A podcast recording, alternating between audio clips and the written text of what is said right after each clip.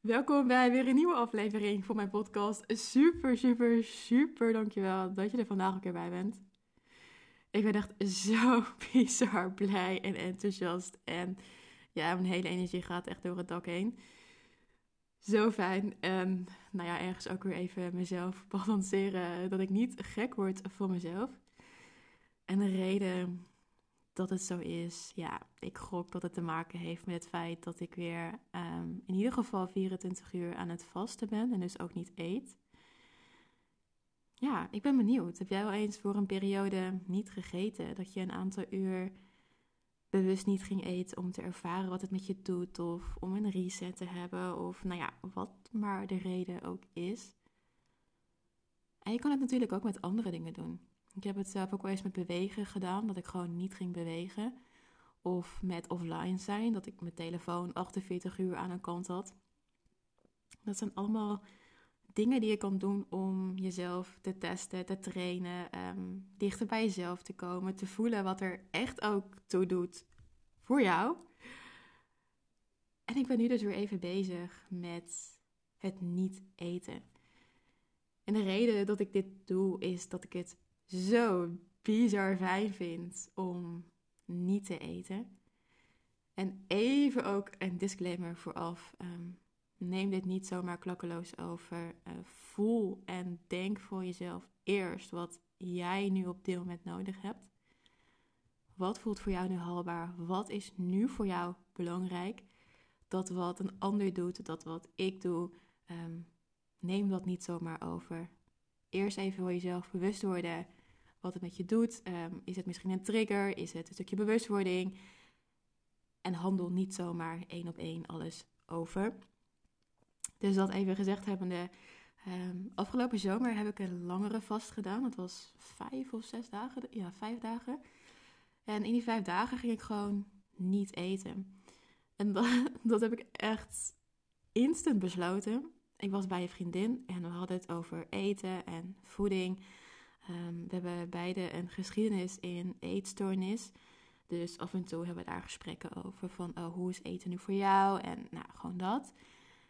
En ik zei letterlijk tegen haar van ja, ik zou het zo fijn vinden om niet meer te hoeven eten. En niet dat ik ehm, eten vervelend vind of dat ik wil afvallen of mezelf niet goed genoeg vind of een andere negatieve reden die je kan verzinnen maar puur om het feit dat het zoveel tijd kost en zoveel energie. En daar ga ik even een stukje meenemen.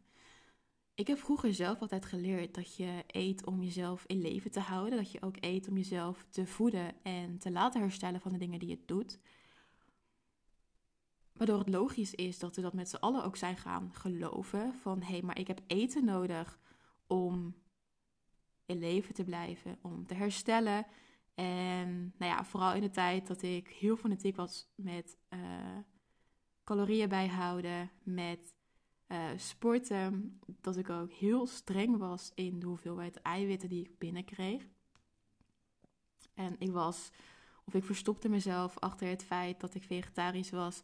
Dus dan zou ik nog meer eiwitten moeten hebben. Dus was het nog weer een reden voor mezelf om daar strenger op te zijn en controle over te hebben. Ehm, maar wie zegt ook dat dat zo is? Wie zegt dat het de juiste keuze is om zo met voeding om te gaan? Dat iedereen om ons heen elke dag eet, betekent niet dat dat goed is, ook al doet iedereen het. Dat iedereen om ons heen naar het werk gaat elke dag, betekent niet dat dat de juiste keuze is voor jou. Ehm, maar vaak denken we dat wel, zodat als 90, 80 procent iets doet, dat het ja, blijkbaar de juiste optie is om te doen.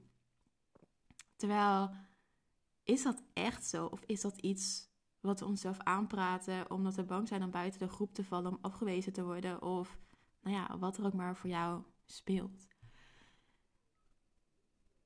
En afgelopen zomer voelde ik zo sterk van ja, waarom kan ik niet zonder eten? Waarom heb ik eten nodig dus iets externs, wat ik dus in mij moet innemen, om energie te hebben.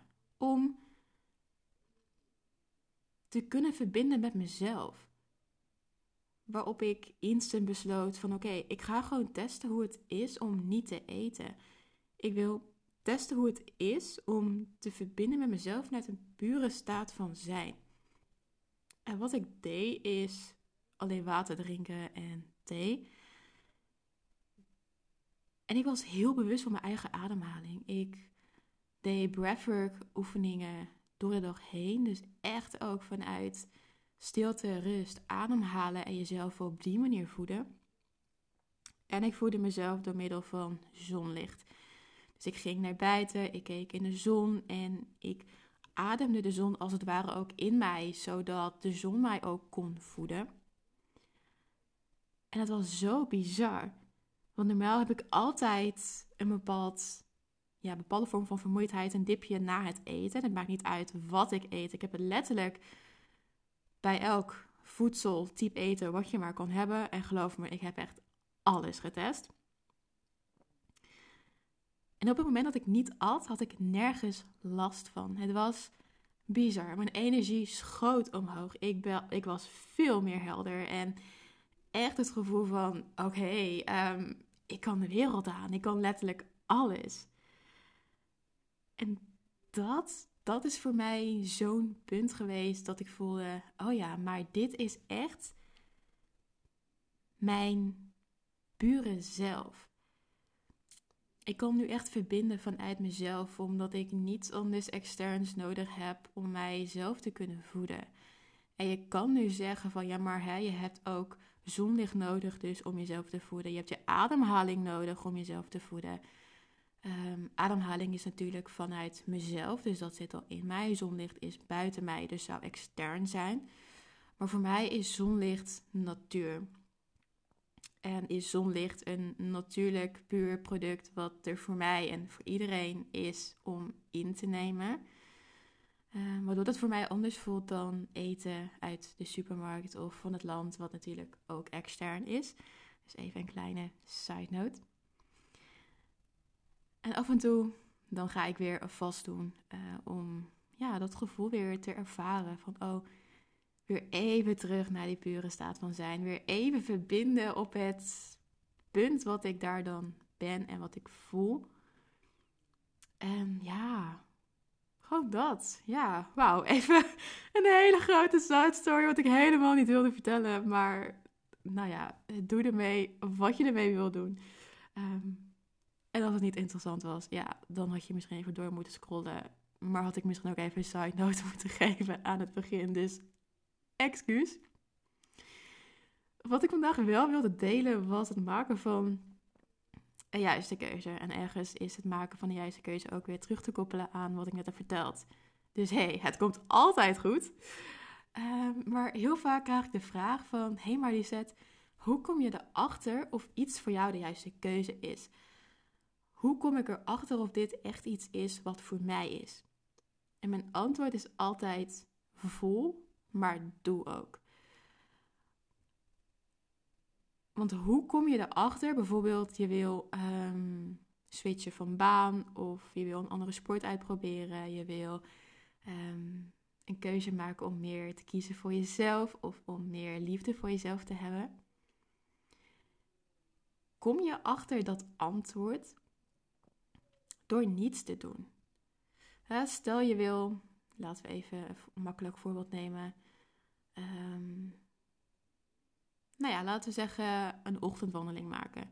Kom je erachter of je een ochtendwandeling fijn vindt door binnen op de bank te blijven zitten in de ochtend en na te denken over of je de ochtendwandeling fijn gaat vinden? Ehm, kom je erachter of ondernemen wat voor je is door in je hoofd te zitten en te blijven nadenken? Ik denk het niet. Want daarmee blijven in je hoofd zitten. En tuurlijk, nadenken is heel fijn en is ook een bepaalde vorm van reflectie. En zelfreflectie kan weer richting geven voor dat wat je daadwerkelijk wil. Maar praktijk is net zo belangrijk. Ga maar ervaren, ga maar doen. En voel maar hoe het voor je is om het te doen. En dat stukje mag je veel meer gaan toepassen op jezelf van hé, hey, maar ik voel dat ik dit wil gaan doen. Of hè, ik twijfel wat ik in deze optie moet kiezen, kies één van de twee. En op het moment dat je kiest voor A, ga A testen. Voel hoe A voor je voelt en, en wat het überhaupt ook met je doet. En op het moment dat je merkt van, oh, maar A is toch niet wat ik ervan heb verwacht, kan je altijd nog weer switchen naar B. Een keuze is niet voor altijd. Een keuze is letterlijk nu in het moment. Als je nu aan mij vraagt van, hey Lisette, heb je zin om nu yoga te gaan doen? Kan mijn antwoord nu ja zijn, waardoor ik yoga ga doen. Maar als je het mij over een uur vraagt, kan mijn antwoord nee zijn, waardoor ik geen yoga doe. Dus een keuze is tijdelijk. Een keuze is niet voor altijd. Dus je kan jezelf altijd weer bijsturen. Je kan altijd weer terug naar de tekentafel gaan om te voelen van hé, maar wat wil ik nu? Ik heb gekozen voor keuze A. Het was niet wat het was. Oké, wat heb ik ervan geleerd? Hoe voelt het voor mij om alsnog een keuze te maken en te kiezen? En hoe kan ik die lessen meenemen naar een nieuwe keuze?